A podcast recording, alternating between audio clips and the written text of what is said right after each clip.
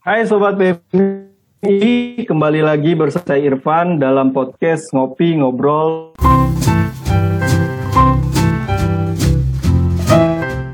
Kali ini agak berbeda ya, karena kita disekat-sekat nih gambarnya. Karena tidak dalam satu ruang, karena kita ngobrol dengan tamu yang spesial. Waktunya juga waktu yang istimewa lah yang tamu kita berikan untuk kita ya, karena di sela-sela kesibukan.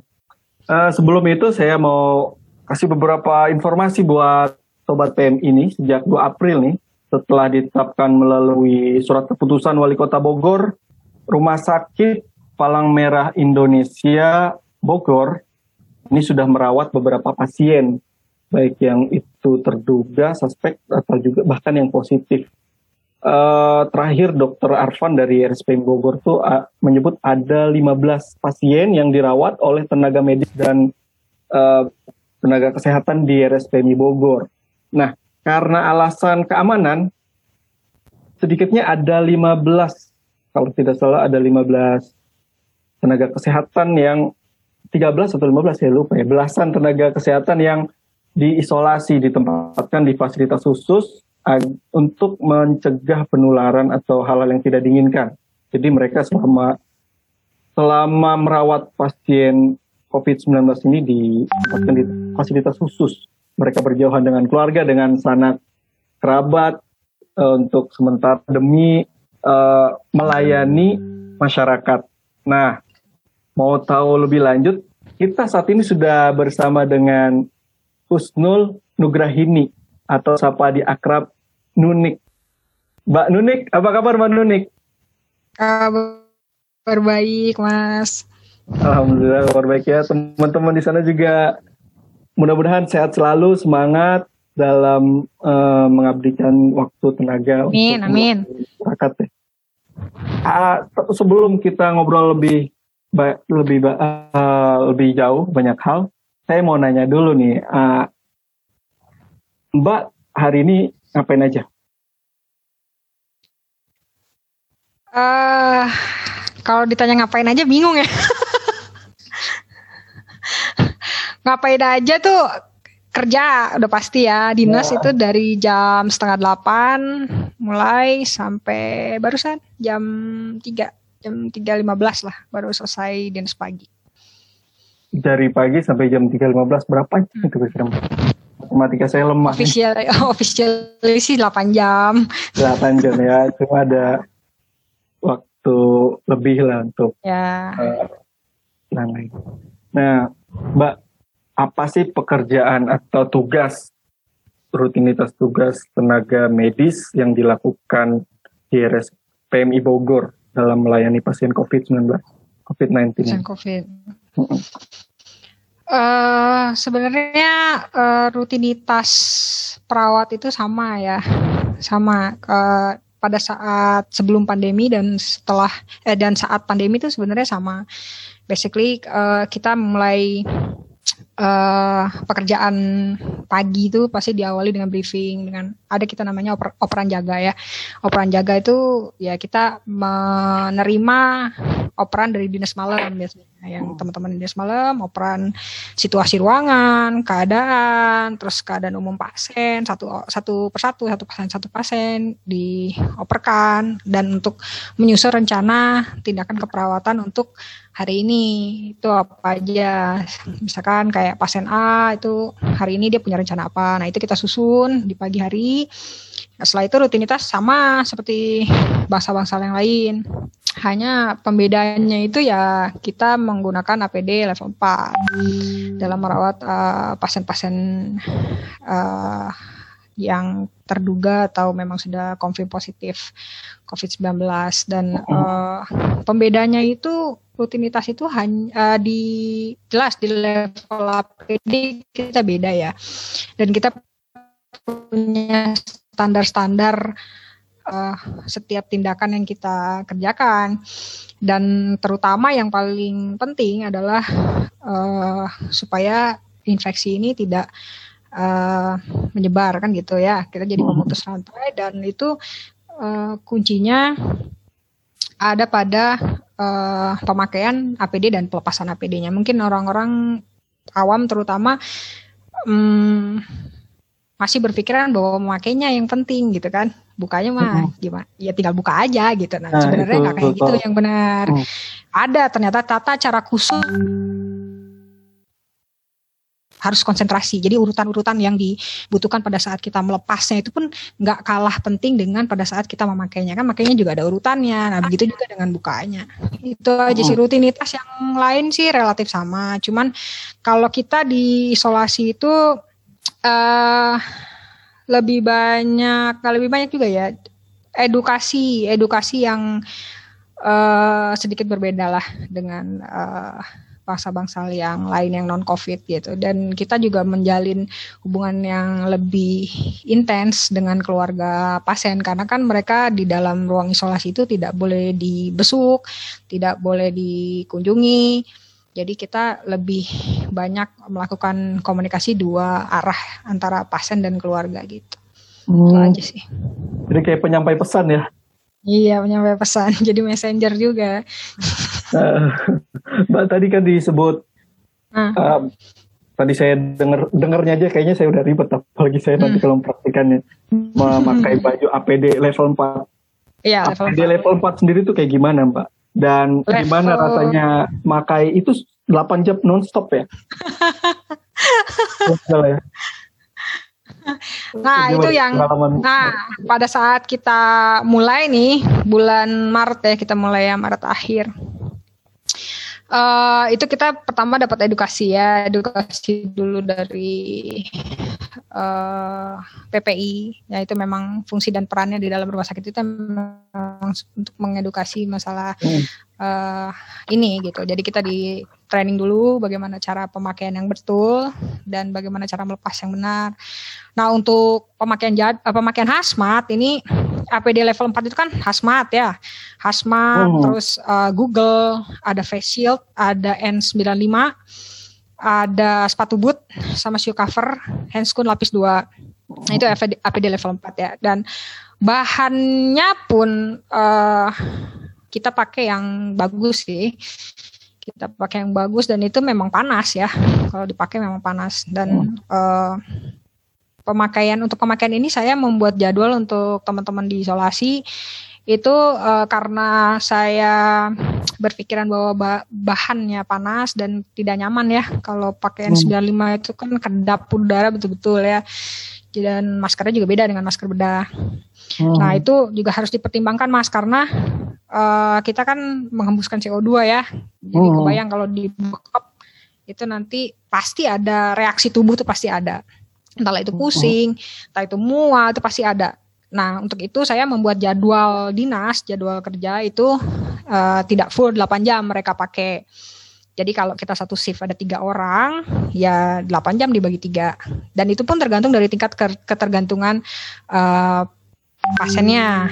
Dalam artian apabila kita memiliki pasien observasi ketat, misalkan yang nafasnya susah, keadaan umumnya nggak bagus, tanda-tanda vitalnya juga nggak nggak bagus ya menurun atau membutuhkan pengawasan yang ketat, nah itu baru kita akan memperketat jadwal untuk uh, interaksi di dalam. Tapi kalau misalkan pasiennya minimal care, pasiennya hmm. bisa memenuhi kebutuhan dasarnya sendiri, nah itu kita agak lebih longgar. Dalam artian bukan longgar gimana, dalam artian kita kontak dengan pasiennya pun tidak uh, lama. Karena kan pasiennya mandiri ya, kalau misalkan pasien-pasien mandiri kan dia tidak pakai oksigen, dia nggak pakai banyak alat-alat medis, dan dia pernapasannya bagus, tensi bagus, nadi bagus, ya jadi seperti OTG tanpa gejala, tapi dia memang COVID positif. Nah ini biasanya pasien-pasien ini yang yang kita meminimalkan untuk kontak karena ya itu tadi alasannya dia pasiennya bisa mandiri dan untuk meminimalkan kontak petugas dengan pasien yang COVID positif juga sih sebenarnya gitu. Jadi kita datang uh, untuk memberikan uh, misalkan mengantar obat, memberikan jadwal obat atau memberikan makan yang kayak gitu-gitu aja. Tapi kalau misalkan pasiennya benar-benar total care dan membutuhkan pengawasan ketat dengan uh, pakai oksigen segala macam, nah kita baru memperpanjang jadwal memakai hazmatnya. Kalau ditanya gimana rasanya pakai hazmat gerah nggak ya? Panas, ya jelas panas, ya panas, ya kan kebayang bahannya kan kalau kita diisolasi. Ya, kalau kita diisolasi jadi kayak semi apa ya, semi parasut apa ya. bahannya begitulah pokoknya. Jadi itu memang panas. Jadi begitu dibuka hazmat tuh ini baju sudah lepek ya. Ini basah keringat semua nih. Bisa diperas. itu untuk pemakaian sekitar lima jaman. Ya jadi kadang waktu dulu waktu awal-awal kita jam. buka kan baru baru ya intens pakai N95 itu baru gitu pakai itu tuh lama gitu ya dalam itu lebih dari satu jam gitu kan. Itu teman-teman juga pusing pusing, pusing, terus jadi apa ya? Jadi limbung, jadi jadi tidak bisa berpikir uh, cepat. Itu benar. Itu benar kayak gitu. Oh betul ya. Konsentrasi ya, atau fokus N95 ya. Iya, fokus ke menurun. Oh. Itu ada, tapi nah, lama-lama beradaptasi badannya. Lama-lama badannya beradaptasi. Lama-lama sekarang biasa aja. Udah biasa aja ya. Iya. Mbak, ini dengan resiko pekerjaan uh. dengan resiko tinggi, uh. sampai harus uh, berjauhan dengan keluarga. Uh, apa sih yang menguatkan Mbak untuk tetap ber, terus bertahan gitu untuk melaksanakan tugas sebagai perawat di RSPM Ibu Guru ini? Uh, yang menguatkan ya, yang menguatkan kita sih sebenarnya saling menguatkan ya di antara 13 orang ini yang uh, tetap solid, tetap apa. Karena pada intinya kita ingin semua ini cepat berlalu sih ya, cepat mm. cepat uh, berakhir gitu. Mm. Tapi yang itu tadi uh, melihat uh, masyarakatnya pun pro dan kontra segala macam ya. Jadi ya udah kita jalanin aja ini sama-sama dan ya kita berharap uh, angka pasien yang masuk itu uh, bisa lama-lama bukannya menaik tapi malah nurun gitu. Berarti kan uh, awareness masyarakat itu sudah mulai bagus ya kalau pasien udah mulai sedikit yang sampai saat ini sendiri ya, grafiknya gimana? Kalau di RSPMI Bogor ini artinya pasien suspek COVID atau yang COVID positif gimana? Sudah berapa dan grafiknya gimana Kita masih masih naik turun sih mas. Naik turun. Masih naik turun. Hmm, hmm. gitu. Ya. Nah, beberapa pasien yang sudah dirawat, yang sudah merawat hmm. Hmm. dan teman-teman rawat di sini, uh, umumnya kondisi sakit ringan, berat atau berapa kondisi? Kita bervariasi dari mulai yang ringan sampai yang berat kita ada. Oh, berat ada juga ya. Mm Luar biasa banget nih teman-teman di RSP Bogor yang sudah merelakan waktu, tenaga dan juga yeah. pastinya mengorbankan ini ya apa namanya harus berjauhan dengan keluarga. Nah ya. ini gimana nih Mbak uh, komunikasi dengan keluarga selama di isolasi ini bagaimana? Gini kekhawatiran kita dulu awal ya pada saat terpilih gitu kan ditunjuk untuk uh, menjadi uh, perawat isolasi COVID. Itu ada sebagian dari teman-teman juga yang yang suka rela untuk mendaftar. Itu juga ada. Dan itu memang uh, saya juga apa ya jadi terharu gitu ya. Ada orang yang benar-benar mendedikasikannya dia udah saya gitu maju. Itu pun ada di antara kami di sini jadi 13 13 orang ini memang secara sukarela sebenarnya untuk uh, gabung di dalam uh, ruang isolasi. Jadi ya kita kita jadi sudah mempersiapkan diri sebenarnya secara psikologis hmm. untuk jauh dari keluarga. Kita sudah tahu konsekuensinya dari awal bahwa kita jauh dari keluarga, nggak bisa setiap hari ketemu gitu ya. Dan ketika bertemu pun ada ada perasaan cemas di dalam diri kita bahwa kita tuh takut menjadi carrier gitu. Kita takut takut membawa uh, si kuman ini pulang gitu. Itu itu sampai sekarang masih ada di dalam benak uh, teman-teman saya dan bahkan saya sendiri ya. Saya masih uh, masih begitu setiap kali pulang rumah. Dan kalau misalkan waktu untuk bertemu keluarga sih hmm, itu maksimal tuh satu minggu ya di di weekend ya di weekend sekitar tujuh hari tujuh hari kalau misalkan kita mau pulang ya kita pulang gitu. Tapi memang nggak setiap hari seperti masa-masa sebelum pandemi. Kita selesai dinas kita pulang gitu, gitu. jadi sebelum pulang ke rumah uh, bersih dulu gitu kan semua baju-baju yang kita pakai di rumah sakit kita masukkan plastik kan santai-santai dulu ya di depan TV nonton TV dulu gitu kan belum mandi. Nah ini tuh uh, banyak yang harus uh, kita rubah kebiasaan-kebiasaan itu. Jadi begitu sampai rumah ya kita mandi dulu, mandi bersih, pakai pakaian yang baru, pakai baju yang bersih, baru kita kontak sama keluarga. Dan tetap jaga jarak. Kalau saya sih selalu ingatin sama teman-teman ya tetap jaga jarak sama orang di rumah. Karena kita ya lebih baik mengantisipasi daripada uh, hmm. gitu ya. Sama satu hal lagi, gitu. uh, sobat PMI juga mungkin ingin tahu nih sebetulnya hmm? rutinitas di luar aktivitas kerja ada nggak hmm. kayak hal-hal untuk menenangkan pikiran bersama atau apa gitu yang dilakukan oleh tenaga medis hmm. di rumah sakit hmm. PMI Bogor ini? Hmm. Uh, kita biasanya itu namanya istilahnya distraksi ya, distraksi dari kejenuhan, dari hmm. menghilangkan rasa bosan atau itu ya kita kerjakan aja yang kita masing-masing suka, hobi masing-masing apa gitu. Kalau teman-teman saya banyaknya olahraga ya. Jadi hmm. mereka kalau ada waktu senggang di luar dinas, mereka olahraga. Biasanya gitu. Nah, olahraga juga ada yang di sekitaran rumah sakit, kan luas ya kalau PMI Bogor. Hmm. Depannya juga kebun raya kan. Nah, biasanya mereka hmm. olahraga tuh, entahlah jalan, jogging, lari gitu. Kayak olahraga paling yang kita kerjain. Habis mau mau gimana lagi? oh, beruntungnya depannya kebun raya ya, masih lihat hijau-hijau gitu lah ya. Selain lihat yang yang apa mengerikan mengerikan tapi ya keluar rumah sakit lihat-lihat yang hijau-hijau ya. Wah, sepertinya ada gangguan. Halo, Mbak Nunik. Halo. Oke, Mbak masih oh ya. Tadi maaf ada gangguan sedikit.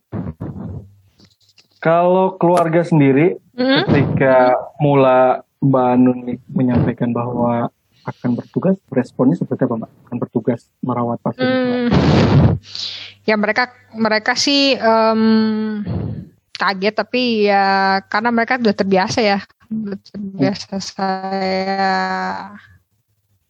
melakukan uh, tugas-tugas dari PMI karena uh, saya juga be sering bertugas di luar mengikuti Palang Merah Indonesia Pusat, PMI Pusat. Hmm. Jadi mereka mendapat kabar ya ini jadi ditunjuk jadi hmm, penanggung jawab ruangan isolasi. Oh, jadi mereka hmm. ya udah pokoknya uh, hati-hati selalu lah gitu. Jadi jangan sampai uh, terpapar atau apa. Tapi mereka nerima sih. Cepat kok. Hmm udah biasa melihat anggota biasa. keluarganya tugas di Medan ini ya. Iya. Sana juga ya. Hmm. Nah, Mbak, uh, apa uh, pesan Mbak gitu ke masyarakat ya mungkin sekarang kan uh, psikososialnya mungkin melihat kondisinya pemerintah juga kebijakannya udah mulai melonggarkan dan masyarakat mungkin mulai agak lupa dengan kebiasaan-kebiasaan yeah. yang sudah dimulai dari, hmm. dari awal. Dan Mbak hmm. sebagai tenaga kesehatan apa kalau saya lihat uh, tren masyarakat ini berubah-berubah ya. Nah, hmm. waktu itu kan ada kecemasan tingkat tinggi, wah cemas banget masyarakat gini gini gini. Kesannya kalau kena covid pasti meninggal lagi. Itu kan ada ya. Pernah uh. masyarakat kita itu memasuki fase itu tuh ada. Nah, sekarang udah mulai longgar nih. Longgar nih masyarakat masyarakat sekarang udah mulai longgar nih, udah mulai berani mereka bersosialisasi atau apa gitu. Hmm. Menurut kalau kalau pesan saya pribadi uh, kepada masyarakat, sebenarnya ini COVID ini adalah uh, suatu virus yang uh, tidak bisa kita cegah, tidak bisa kita cegah untuk kalau Ya, sebenarnya ya COVID ini sebenarnya uh, bukan bukan sesuatu hal yang harus kita takuti secara berlebihan. Dalam artian uh, justru harusnya dengan COVID ini tingkat kewaspadaan kita tuh uh, semakin meningkat. Karena sebelumnya juga kan sebelum ada COVID juga kita kan sudah diajarkan sejak TK jagalah kebersihan, mau makan cuci hmm. tangan gitu ya. Terus um, uh, setiap apa pun yang mau kita kerjakan uh, selalu berhati-hati apakah itu bersih atau itu enggak. Nah sebenarnya dengan COVID ini untuk masyarakat yang masih panik nih sekarang sebenarnya hal itu nggak nggak perlu disikapi dengan panik yang berlebihan ya. Kayak seperti uh, memakai hazmat nih ke mall. Kan ada ya pernah ada ya, ya ada masanya ada. ya? Ada masanya ada, ya? Ada, ya ada. itu itu kan kalau menurut saya sih itu berlebihan gitu kan. Maksudnya ya apa gunanya gitu. Nanti membukanya pun dengan cara yang salah juga yang ada malah beresiko, uh, ya. menjadi bumerang sendiri untuk yang make gitu. Hmm. nah itu jadi saran saya sih uh, tetap tenang ikuti protokol pemerintah pakai masker ya. Jadi si covid ini kan nggak bisa kita hindari karena dia nggak kelihatan ya. Dia nggak kelihatan dia nggak bawa. Ini caranya itu kalau misalkan saya mau keluar rumah gimana nih? Gitu kan. Takut nih nanti gini gini gini. Ya sekarang kita nggak bisa lihat virusnya tapi kita tahu jalan masuknya tuh lewat mana. Tutup jalan masuknya. Ya kan? Tutup jalan masuknya. Masuknya lewat mana sih? Lewat hidung lewat mulut. Tutup pakai masker. Tutup pakai masker yang benar. Terus transportasinya apa sih virus bisa sampai masuk ke badan kita misalnya dari tangan salah satunya. Ya rajin rajin cuci tangan ya rajin cuci tangan. Kita udah kita sekarang kita harus harus bisa menerima dalam diri kita bahwa ini adalah suatu kejadian yang nyata dan kita dan life must go on. Kita nggak mungkin ngunci diri kita di dalam kamar selamanya kan? Masa nungguin covid hilang kita hmm. baru gerak sih kan? Nggak ya, mungkin. betul. kita harus kerja kita harus bersosialisasi. Hmm. nah itu gimana caranya? Ya udah tutup aja jalan pintu tutup pintu masuknya pintu masuknya pakai masker, rajin cuci tangan, jaga jarak. Nah itu tiga itu aja deh. Dan itu jangan dijadikan beban, jangan dijadikan beban, jangan dijadikan keharusan, tapi dijadikan kebiasaan. Jadi nggak berat. Hmm. Ya kalau kita terbiasa kan kita nggak berat. Hmm. Sekarang gini, kalau mau mandi kan pasti otomatis gosok gigi dong. Itu kan nggak berat karena udah terbiasa begitu ya. Nah itu dijadikan, nah mungkin, hmm, mungkin itu yang dibilang orang-orang new normal. Sebenarnya sih itu udah normal sih ya, udah udah harus menjadi kebiasaan. Ya. Kenapa? Karena biasanya uh, masyarakat awam ini harus dipaksa dulu. Hmm. Itu harus dipaksa dulu. Nah iya betul. Kalau menurut saya, kalau orang dipaksa nanti akan membangkang biasanya. Hmm. ya kan? Memangnya hmm. kenapa? Memang nggak usah. Makanya jangan dijadikan suatu paksaan, jangan dijadikan suatu uh, jadi jadikan suatu beban, tapi jadikan itu mulai jadi kebiasaan baru kita gitu. Jadi nggak enak keluar rumah kalau nggak pakai masker kan, karena udah terbiasa gitu hmm. pakai masker. Jadi udah nggak berat lagi gitu. Kalau oh, orang ngomel-ngomel suruh pakai masker, wah pengap kok bisa lama-lama juga nanti terbiasa. Cuci tangan pun gitu. Apain sih bobo hand hmm. sanitizer gini gini gini gini gitu kan? Ya itu dijadikan kebiasaan. Ya biasa kan mau makan habis pegang uang cuci tangan. Habis pegang uh, kertas ngejain apa cuci tangan. Karena kan si kuman itu memang ada di mana-mana termasuk di kertas. Dia hidupnya paling lama tuh di kertas. Gitu. Oh. ya itu jadi pesan dari Mbak Nunik nih kepada masyarakat supaya tetap berdisiplin menjalankan protokol kesehatan. Hmm Ya, kalau pesan dulu kan kita uh, tenaga kesehatan kami uh, apa namanya tetap di sini, Anda tetap di rumah ya. Tapi karena sekarang sudah di rumah, boleh di luar tapi dengan ya. menjalankan protokol kesehatan, Betul. disiplin. Selalu harus Dari, selalu. Jadikan kebiasaan. Nanti mudah-mudahan ya mudah-mudahan si Covid ini tidak punya tempat lagi di badan manusia ya. Iya. karena kan pintu masuknya sudah kita tutup. -uh. Gitu. Doa kita bersama mudah-mudahan pandemi ini juga segera berakhir, kita Amin. bisa aktivitas secara maksimal lagi. Sekarang pun tetap yeah. bisa maksimal, tapi dengan syarat protokol yeah. kesehatan tetap dijalankan. Ya. Baik, terima kasih banyak Mbak Nunik sudah iya. berkenan yeah. ngobrol banyak bersama saya dan Sobat PMI. Mudah-mudahan teman-teman tenaga kesehatan di RSPMI Bogor dikuatkan dan juga kondisinya tetap prima dalam menjalankan tugas kemanusiaan. Amin. Terima kasih Sobat yeah. TMI. Sampai di sini dulu, uh, nanti kita bertemu lagi di episode selanjutnya. Assalamualaikum warahmatullahi wabarakatuh. Waalaikumsalam warahmatullahi wabarakatuh.